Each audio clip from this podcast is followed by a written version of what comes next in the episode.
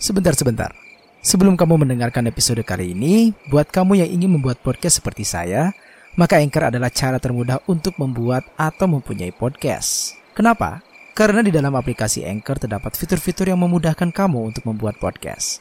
Anchor juga bisa membantu untuk mendistribusikan podcast kamu secara luas, seperti Spotify dan platform podcast lainnya. Langsung saja download aplikasi Anchor A N C H O R di App Store dan Play Store.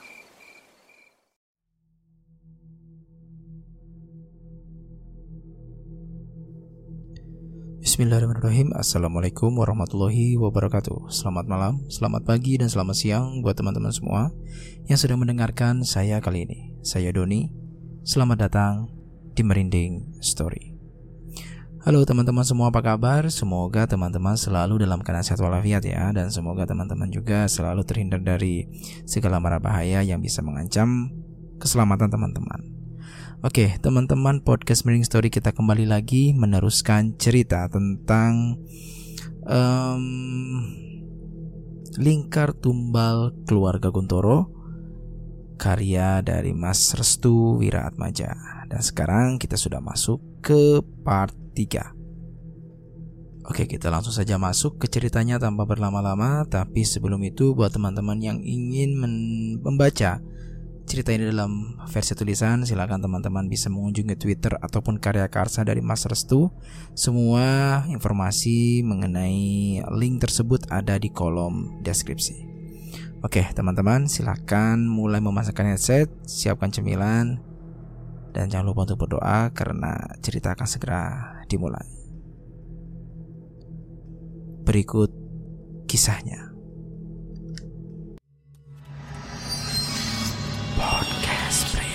Story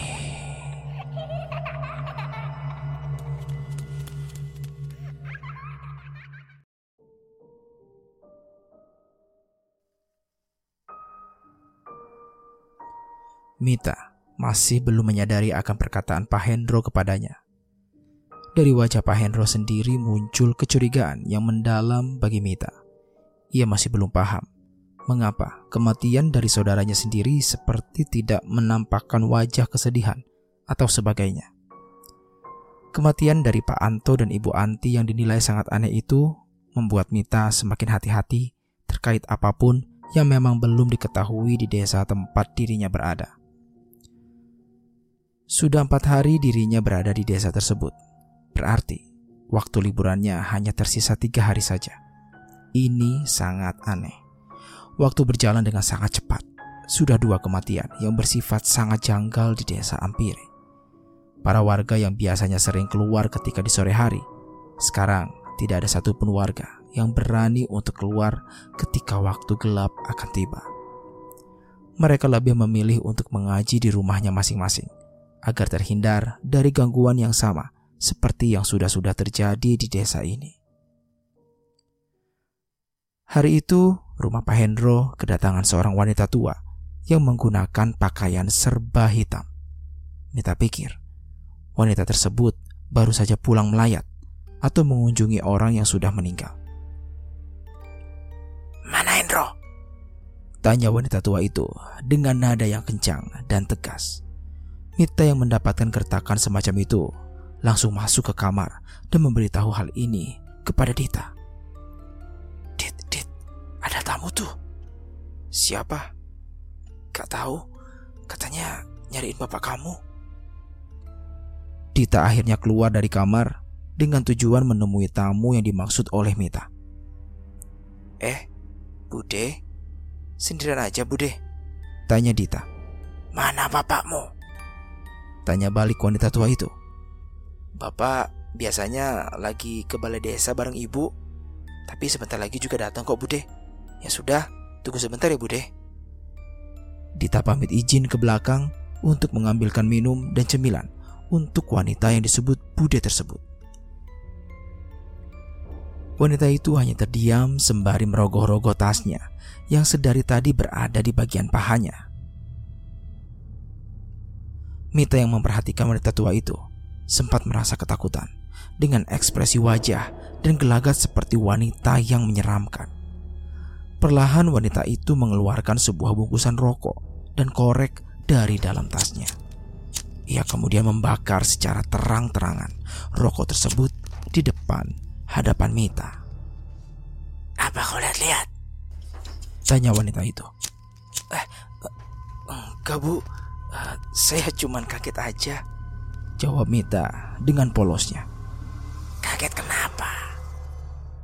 Um, emangnya perempuan boleh merokok ya? Wanita itu hanya tertawa kegirangan di saat mendengar kalimat polos yang baru saja dilontarkan oleh Mita kepada dirinya. Siapa namamu, nak? Tanya wanita itu. Namaku Mita, bu. Mita. Wanita itu meletakkan rokoknya di atas asbak yang sudah disediakan di meja. Perlahan, tatapan wajahnya berubah sangat drastis. Ia tersenyum lebar. Dan Bu, ibu kenapa? Gak apa-apa. Namamu cantik sayang. Tidak lama kemudian, Dita kembali datang sembari membawakan minuman dan beberapa cemilan. Bersamaan dengan itu juga Pak Hendro dan juga Bude Gusti datang sembari membawa plastik hitam yang berukuran sedang. Loh, Mbak di sini? Tanya Pak Hendro. Hari ini kamu cair Yandro? Ucap wanita itu. Iya. Uh, ini yang kemarin. Jawab Pak Hendro dengan santainya. Mita dan Dita hanya terdiam. Mereka berdua tidak mengerti pembahasan dari topik khusus yang dibicarakan para orang tua. Oh iya, kenalin. Dia Mita anak dari almarhum Darmo dan Ibu Asi. Ucap Pak Hendro. Aku sudah tahu itu. Baguslah kalau sudah tahu. Bude Gusti yang sedang membawa plastik hitam berukuran sedang langsung meminta izin untuk masuk ke dalam kamar terlebih dahulu. Ngomong-ngomong, ada perlu apa Mbak Nana datang ke sini? Tanya Pak Hendro. Kau pasti tahu maksud dan tujuanku datang ke tempat ini, Dro. Apa karena ada sesuatu yang membuatmu pura-pura tidak tahu? Tanya balik Bude Nana kepada Pak Hendro. Pak Hendro segera menatap Dita dan Mita.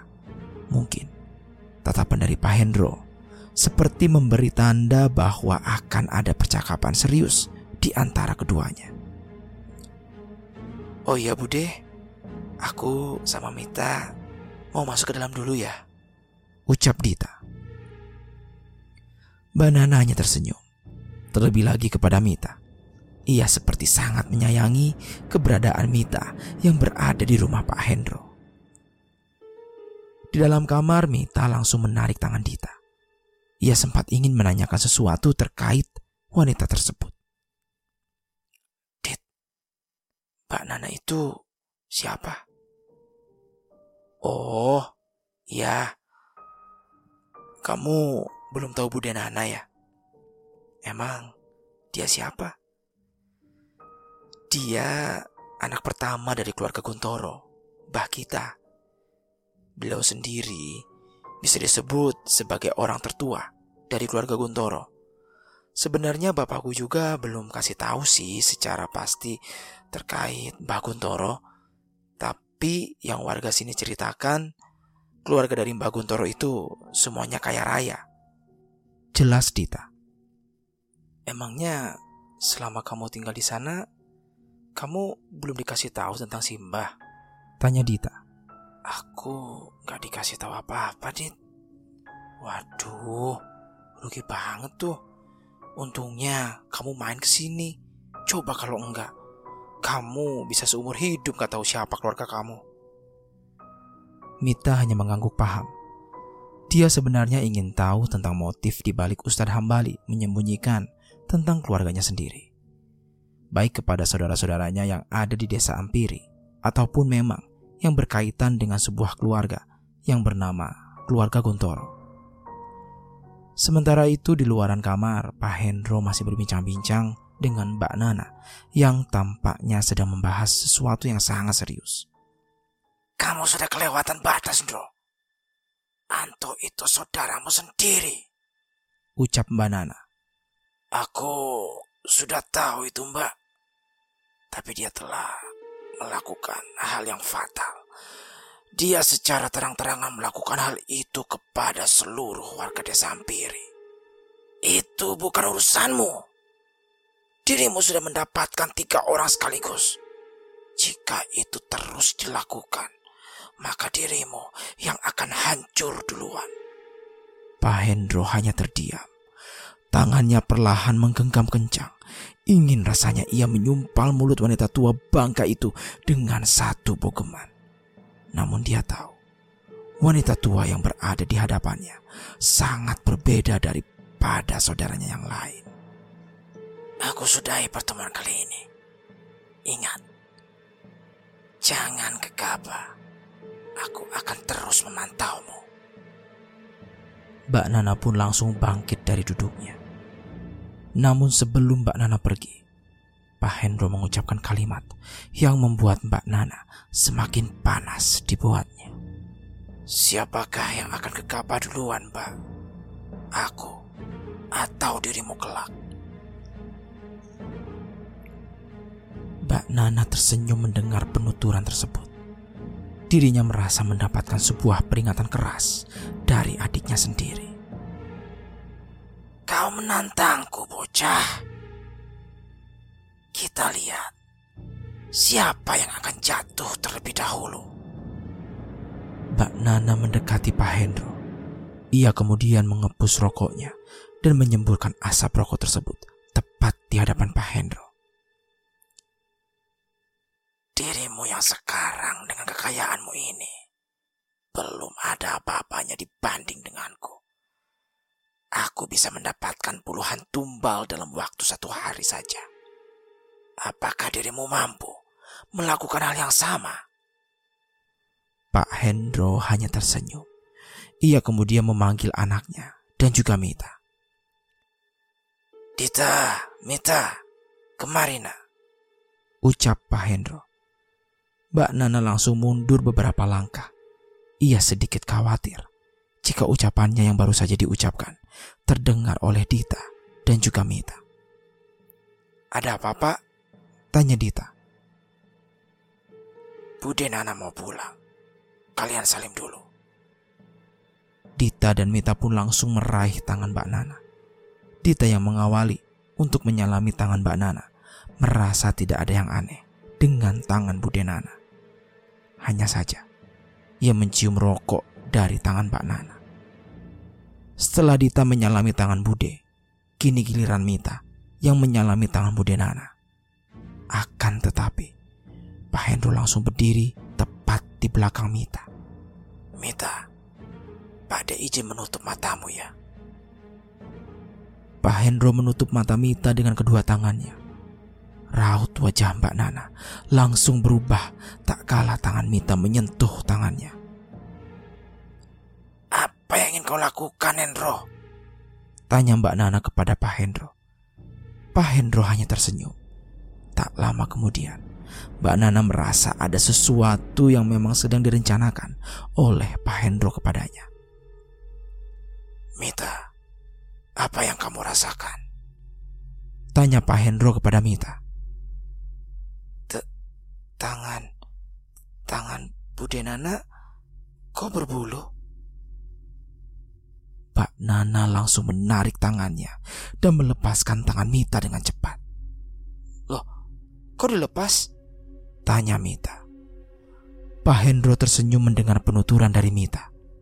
Perlahan, Pak Hendro melepaskan kedua tangannya dan meminta Mita untuk menatap wajah Mbak Nana. Sekarang, coba lihat wajah budemu yang cantik itu, Mita. Jelas Pak Hendro. Mita pun langsung membuka kedua matanya dan melihat wajah Mbak Nana dengan perlahan. Apa yang kamu lihat? Mita yang melihat wajah Mbak Nana langsung berteriak histeris. Mo, mo, monyet. Kok ya? Monyet?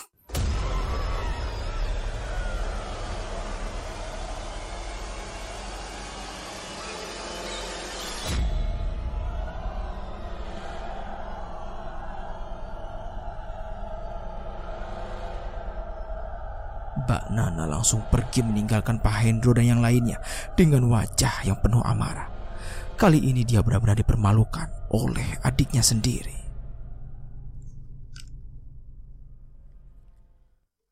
Semenjak terbongkarnya sisi tersembunyi dari Mbak Nana, Mita hanya terdiam diri di dalam kamar bersama Dita.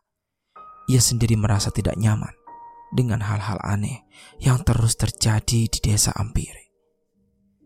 Sembari menenangkan diri, Mita selalu membuka Al-Quran kecilnya.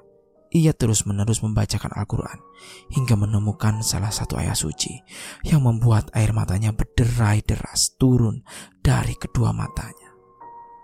Dita hanya memperhatikan Mita dari kasurnya. Ia sendiri sempat merasa kasihan dengan keadaan sepupunya itu. Paling tidak, terkait apa yang baru saja terjadi, Dita bisa menenangkan Mita dengan berbagai cara. Namun ternyata, kunci ketenangan yang dibangun dalam diri Mita sendiri hanyalah dengan cara membaca Al-Quran dan meresapinya dalam hati. Setiap ayat suci Al-Quran yang dibacakan oleh Mita, hati Dita menjadi bergetar. Tubuhnya juga merinding seketika tatkala bunyi lantunan ayat suci Al-Quran itu digemakan di kamarnya. Setelah membaca Al-Quran, Dita mendekati Mita yang masih mendekap Al-Quran di dadanya. Mita tidak henti-hentinya berdoa untuk perlindungan dirinya dan juga orang-orang terdekatnya. Bismillahirrahmanirrahim. Aku berlindung dengan nama Allah yang bersama namanya tidak ada sesuatu di bumi dan di langit yang bisa membahayakan dan dia maha mendengar, lagi maha mengetahui. Dita menepuk pundak Mita seraya berkata, Mit, kamu gak apa-apa kan? Mita hanya terdiam. Ia bahkan tidak mengucapkan sepatah kata pun tak kala Mita merasa dirinya diambang penuh ketakutan. Mit, kamu istirahat saja ya. Udah malam. Kamu dari tadi baca Al-Quran terus. Ya, emang bagus sih. Cuman kalau sampai buat badan kamu sakit, itu malah gak bagus, Mit. Ucap Dita. Tidak berselang lama, Mita menggerakkan bahunya. Ia kemudian membalikkan badannya dan menatap wajah Dita. Aku gak apa-apa, Dit. Aku memang suka baca Al-Quran. Saat aku sedih, aku hanya bisa bercerita kepada Tuhan Aku tidak memiliki kedua orang tua sepertimu. Karena itu, aku hanya bisa mencurahkan rasa takut dan kegelisahanku kepada Tuhan. Hati Dita langsung tersentuh mendengar kalimat tersebut. Ia tidak menyangka sepupunya ini benar-benar sangat cinta kepada agamanya sendiri. Berbeda dengan dirinya yang terkadang masih belum bisa patuh terhadap ajaran agamanya sendiri. Mita akhirnya bangkit dari duduknya. Ia meletakkan Al-Quran ke tempat semula, lalu membereskan sajadah dan juga merapikan mukena yang dikenakannya. Gerak-gerik Mita seperti orang yang berada dalam kondisi penuh dengan kebimbangan. Ia tidak tahu harus bagaimana lagi dengan berbagai macam hal yang baru ia ketahui. Bermacam-macam keanehan selama dirinya berada di tempat tersebut selalu bermunculan secara satu persatu. Boleh aku nanya sesuatu? Boleh, Mit. Kamu mau nanya apa? Mita pun menghampiri Dita. Kali ini Mita benar-benar serius dan ingin mengetahui secara mendalam terkait keluarganya di masa lalu. Apakah keluarga kita keluarga yang mengabdi kepada pesugihan? Tanya Mita. Dia hanya terdiam ia sendiri belum mengetahui terkait seluk-beluk dari keluarganya terlebih lagi hal-hal yang baru ia ketahui. Uh, aku aku tidak tahu menau soal itu. Tapi Aku pernah mendapatkan hal yang kurang mengenakan ketika aku sekolah dulu. Jelas Dita kepada Mita. Apa itu? Intimidasi. Kenapa? Orang-orang bilang keluarga aku melakukan pesugihan. Namun bukan hanya itu saja. Ada beberapa warga juga yang mengatakan jika keluarga dari Mbah dulunya melakukan pesugihan dan korbannya adalah keluarga sendiri. Mita masih menyimak penjelasan dari Dita terkait dari pesugihan yang dilakukan oleh keluarga simbahnya itu.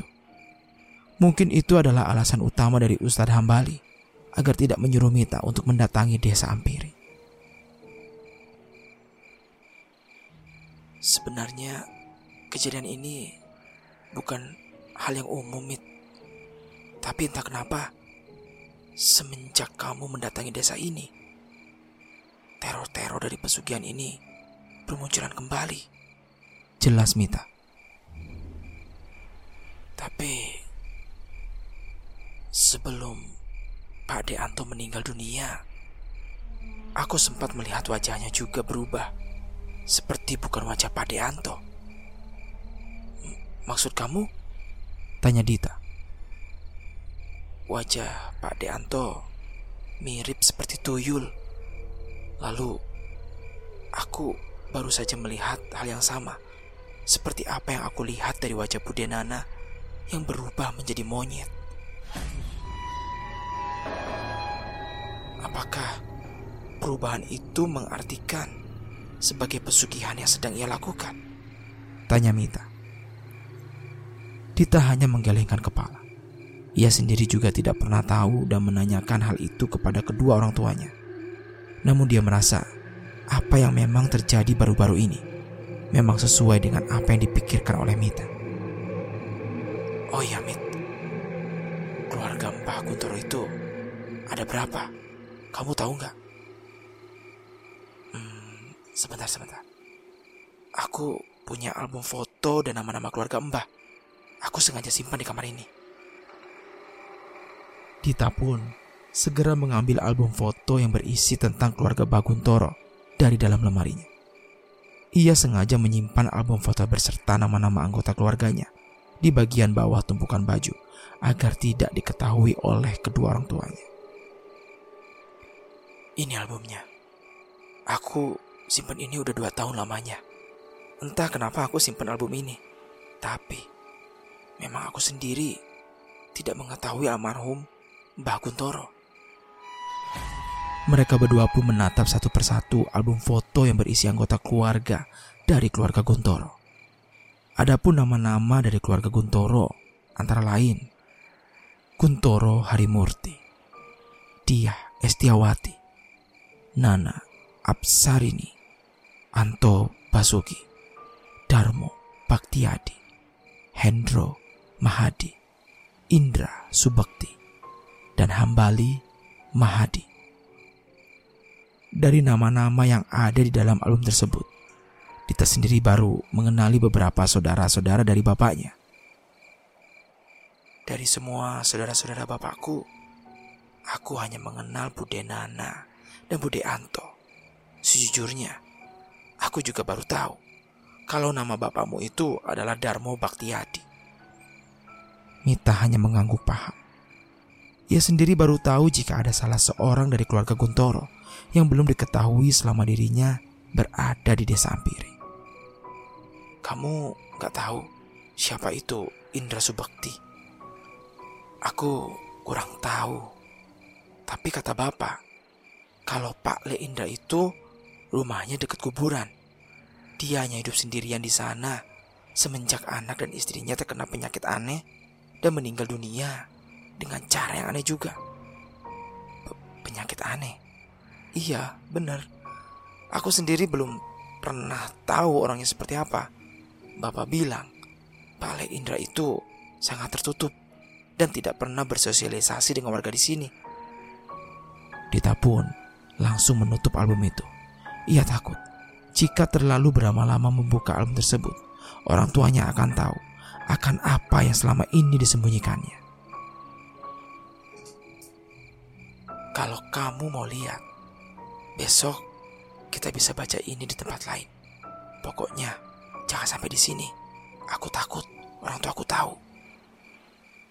Mita hanya mengangguk paham. Dirinya tahu apa arti dari rahasia yang memang ingin disembunyikan oleh Dita sendiri.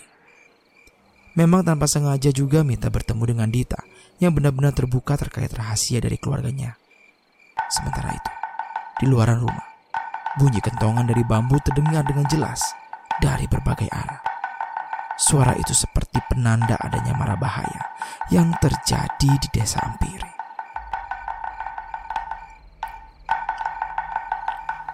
Mita dan Dita yang kebetulan berada di kamar langsung segera keluar. Mereka berdua terkejut tak kedua orang tuanya sudah berada di dekat jendela sembari memperhatikan para warga yang berlarian ke sana kemari sembari meneriakan. Ada monyet! Ada monyet jadi-jadian! Dita segera mendekati ibunya. Ia menanyakan kepada ibunya terkait apa yang terjadi di luaran. Kenapa warga desa malam-malam gini bunyiin kentongan? Tanya Dita. Ada siluman monyet di desa ini. Jelas Ibu Dita. Siluman monyet? Tanya Mita. Pak Hendro segera meminta kepada Dita dan Mita untuk masuk ke dalam kamar demi keamanannya. Kali ini, bukan hanya satu atau dua warga saja yang mendapatkan teror serupa. Namun, belasan rumah warga mendapatkan teror yang mengerikan dengan bertenggernya siluman monyet di atas rumah warga. Pak, ucap Bu Gusti. Bapak tahu, pagi tadi dia barusan bilang. Malam itu adalah malam yang penuh dengan ketakutan.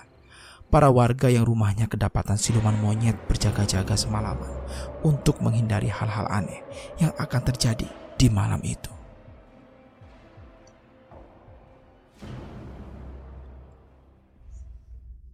Keesokan harinya, para warga mulai berdatangan ke balai desa. Mereka yang rumahnya kedapatan teror siluman monyet segera melaporkan keresahannya masing-masing. Banyak warga yang mengaku kehilangan harta bendanya seperti emas, uang, ataupun perhiasan lainnya. Mereka semua benar-benar merasa dirugikan dengan munculnya siluman monyet yang berada di desa pada malam itu. Beberapa orang juga mengadukan hal ini kepada Pak Hendro. Mereka yakin Pak Hendro yang memang termasuk bagian penting dari desa bisa menyelesaikan masalah ini. Namun, dirinya tidak bisa berbuat apa-apa. Dia tahu siapa pelakunya. Namun jika dirinya sendiri memberitahunya secara cepat, kemungkinan besar semua rahasia tersembunyi akan terbongkar dengan sendirinya. Untuk menghentikan masalah tersebut, Pak Hendro akhirnya mengunjungi sebuah salah seorang warga. Ia kemudian memberikan kepada orang tersebut untuk menghentikan perbuatan yang merugikan. Mbak, kamu gak kasihan sama para warga? Tanya Pak Hendro. Sembari mengisap rokok kreteknya, wanita tua itu dengan congkaknya langsung mengarahkan kritikan yang sangat pedas. Seharusnya kamu yang berkaca kepada dirimu sendiri, Hendro. Bukankah awal dari sebuah petaka ini dimulai dari kematian si Jawir? Akibat suruhanmu sendiri yang melakukannya. Jelas, Mbak Nana. Tapi memang itu yang harus dilakukan. Sudahlah, Hendro.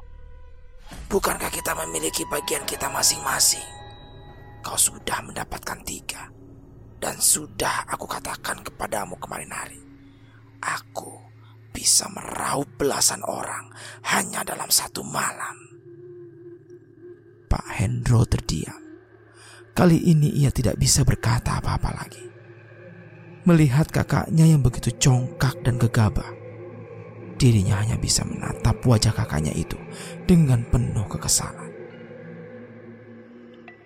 Apalagi dengan kedatangan anak si Darmo. Mungkin itu akan menjadi tumpal terakhirku. Jelas, Mbak Nana. Pak Hendro segera mencekik kakaknya itu hingga membuat nafasnya sedikit tertekan dan tidak bisa menormalkannya. Lehermu kecil, Mbak. Aku bisa mematahkan kapan saja. Bukankah kita sudah memiliki bagian kita masing-masing? Tanya Pak Hendro. Pak Hendro segera melepaskan cekikan itu. Ia kemudian meninggalkan kakaknya yang masih memegangi lehernya karena cengkraman kuat yang benar-benar membuat tenggorokannya merasa sedikit kesakitan. Dibuat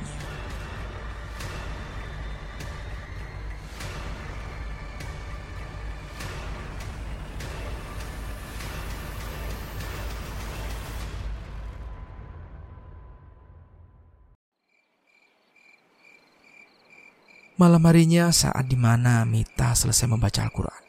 Lagi-lagi, Dita mendekati Mita dan menanyakan beberapa hal tentang Al-Quran. Mit, aku mau tanya boleh nggak? Tanya aja, Dit. Kenapa ya? Kalau aku dengar kamu baca Al-Quran, hatiku kayak bergetar. Terus seluruh tubuhku merinding gitu. Itu tandanya apa ya? Oh, itu. Itu tandanya kamu masih punya iman. Jadi, beruntung banget kalau kamu masih merasakan hal tersebut. Tapi kan, aku nggak pernah baca Al-Quran. Sholat aja jarang. Masa iya aku punya iman? Iman itu tidak bisa diukur dengan seberapa banyak kita membaca Al-Quran dan seberapa rajin kita sholat.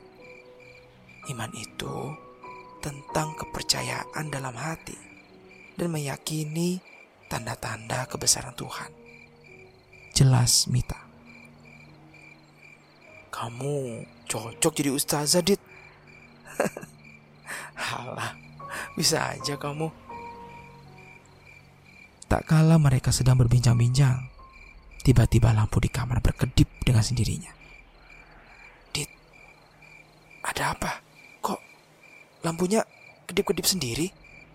I iya, aku juga nggak tahu. Perasaan lampu di kamarku nggak pernah kayak gini. Bersamaan dengan itu, suara monyet dari atap rumah bermunculan. Dit, suara apa itu? Aku juga nggak tahu, Mit. Jangan-jangan siluman monyetnya datang ke kamar kita. Astagfirullahaladzim. Kok bisa, Dit? Dan saat mereka berdua ingin keluar dari kamar, tiba-tiba lampu langsung padam dengan sendirinya. Tepat saat mereka berdua menghadap ke arah belakang, tiba-tiba sosok hitam besar berjalan perlahan ke arah mereka. Itu apa? Aku aku juga nggak tahu, Mit. Sosok itu kemudian berlari seperti monyet ke arah Dita dan Mita. Mit, itu siluman monyet. Mereka berdua pun mencari cara untuk melarikan diri. Namun, dengan sengajanya, Mita mendorong tubuh Dita agar tidak tertubruk oleh sosok tersebut. Mita! Tubuh Mita ditabrak dengan kencang oleh sosok tersebut hingga tubuhnya terbentur ke tembok. Mita pingsan tak sadarkan diri. Dahinya mengalir darah karena benturan keras tersebut. Bersama dengan itu, kedua tangan Mita diseret secara perlahan. Dita hanya berteriak histeris sembari memanggil kedua orang tuanya. Bapak, Ibu, Tolong Mita diseret, Bu. Pak, sama siluman monyet. Tolong. Siluman monyet yang mendengar kalimat itu langsung menatap wajah Dita dengan penuh amarah. Bersamaan dengan itu, dari luaran rumah para warga langsung membunyikan kentungan sembari membunyikan kinceringan. Hal ini membuat sosok tersebut meninggalkan Mita dan berlari ke arah belakang rumah dengan cara menembus tembok kamar Dita. Para warga segera mengejar sosok tersebut yang akhirnya mengarah kepada salah seorang rumah warga yang ternyata itu adalah rumah dari Mbak Nana. Pak Hendro pun segera meminta kepada para warga untuk menggeledah rumah Mbak Nana. Dan benar saja, Mbak Nana sedang berada di dalam ruangan khusus sembari mengenakan mantel hitam. Raut wajahnya seperti penuh dengan kekesalan dan tampak kelelahan. Ia sendiri tidak terkejut saat para warga mendatanginya sembari membawa benda tajam. Namun yang ingin ia lihat adalah wajah Pak Hendro, adiknya sendiri. Tatapan Mbak Nana saat menatap wajah adiknya itu seperti tatapan yang penuh dengan kebencian. Kau ingin menyamakan seperti Bapak? Tanya Mbak Nana kepada Pak Hendro. Sudah kubilang, jangan sentuh Mita. Pak Hendro hanya tersenyum. Para warga pun segera menangkap Mbak Nana dan membawanya ke rumah khusus yang berdekatan dengan perkebunan untuk nantinya diusir dari desa Ampiri. Para warga menahan untuk satu hari saja agar Mbak Nana tidak bisa lagi melakukan perubahan wujud. Pada malam itu juga, Mbak Nana seorang diri di dalam rumah tersebut. Kali ini, ia merasa kalah dengan adiknya sendiri. Para warga juga tidak menyangka bahwa yang melakukan hal tersebut adalah saudara kandung dari Pak Hendro. Mereka semua sempat bertanya-tanya, mengapa seluruh anggota Pak Hendro memiliki hal-hal aneh dalam hidupnya. Malam itu juga saat para warga tidak berada di rumah khusus untuk mengasingkan Mbak Nana. Pak Hendro datang bersama dengan istrinya. Ia kemudian membawakan sesuatu kepada Mbak Nana untuk diminum. Minumlah. Aku yakin kau sangat haus. Cih, darah iblis mana lagi yang akan kau gadakan, Hendro? Aku hanya mengikuti cara lama orang tua kita. Bukankah Bapak melakukan hal ini untuk membunuh anaknya yang tidak taat? Darmo dan istrinya meninggal bukan hanya karena Bapak saja, Indro. Kita adalah para penghuni neraka yang masih diberi kesempatan untuk hidup. Padahal mautmu sudah berada di ujung tenggorokan. Tapi nyalimu untuk mengatakan penghuni neraka. Masih kuat juga ya mbak. Pak Hendro pun segera memaksa kepada Mbak Nana untuk meneguk cairan tersebut. Dengan meneguk cairan tersebut, itu artinya hal yang sama sudah pasti akan terjadi seperti Pak Anto dan juga Bu Anti. Dan benar saja, keesokan harinya, hal yang mengejutkan terjadi kepada Mbak Nana. Ia ditemukan sudah meninggal dunia dengan tubuh yang sangat mengenaskan. Wajahnya menjadi membiru dan di bagian lehernya terdapat gigitan ular. Namun beruntungnya, tidak ada yang tahu akan kejahatan halus yang dilakukan oleh Pak Hendro. Ia mengatakan kepada warga, jika kakaknya meninggal dunia karena ular besar yang berada di sekitaran rumah. Bersamaan dengan itu, Pak Hendro segera kembali ke rumah.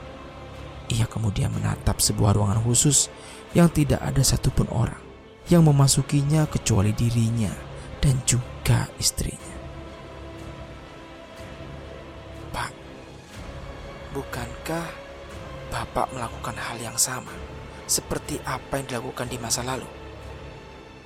Lingkar tumbal akan terus berjalan kan Pak?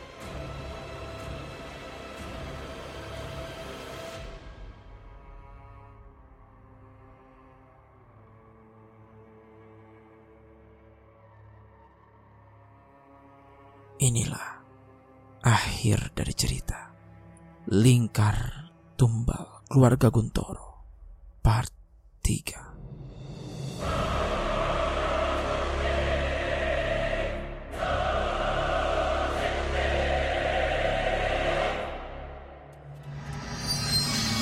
Podcast